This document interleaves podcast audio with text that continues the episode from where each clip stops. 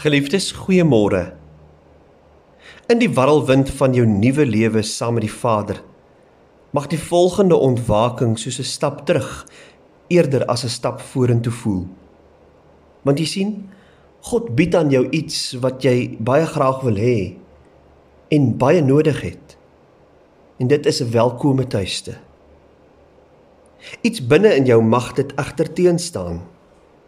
Dit mag totaal en al onwerklik voel vir iemand wat so ver en so lank verdwaal was om deur sy hemelse Vader terugverwelkom te word in sy gesin sonder om vrae te vra sonder oordeel.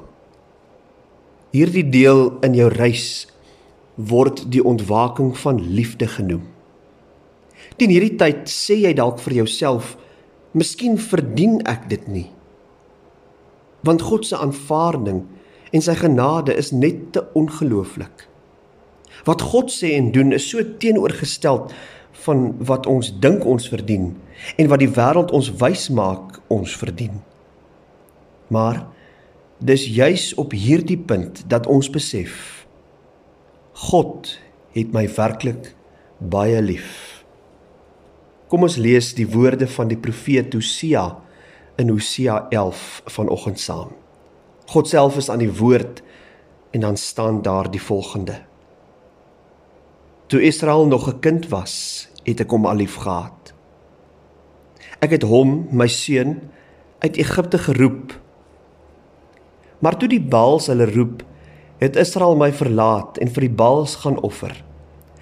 vir afgodsbeelde offers gebring. Ek self het Efraim leer loop Ek het hulle op my arms gedra, maar hulle wou nie erken dat dit ek is wat vir hulle sorg nie. Ek het hulle met sorg en liefde gelei.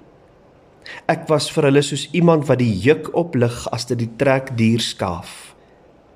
Ek het na Efraim toe afgebuk en hom gereeld kos gegee, want ek wou nie hê dat hy weer na Egipte toe moes teruggaan nie, of dat Assirië oor hom moes heers nie.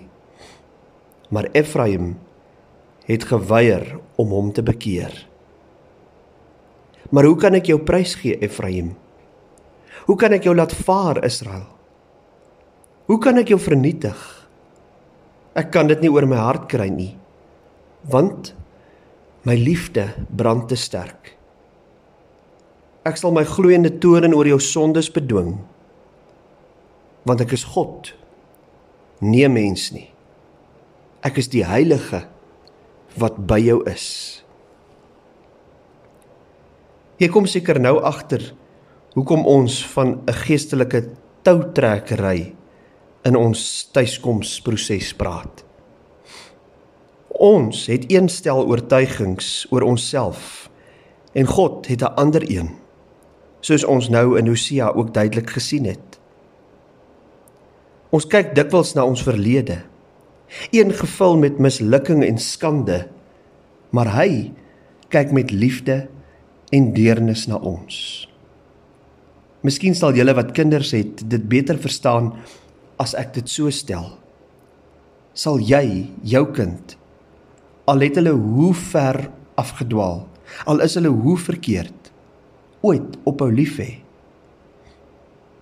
Hierdie ontwaking is 'n groot deurbraak op jou pelgrimstog terug na God. Ons beskef, ons besef miskien dat ons nie 'n tweede kans verdien nie.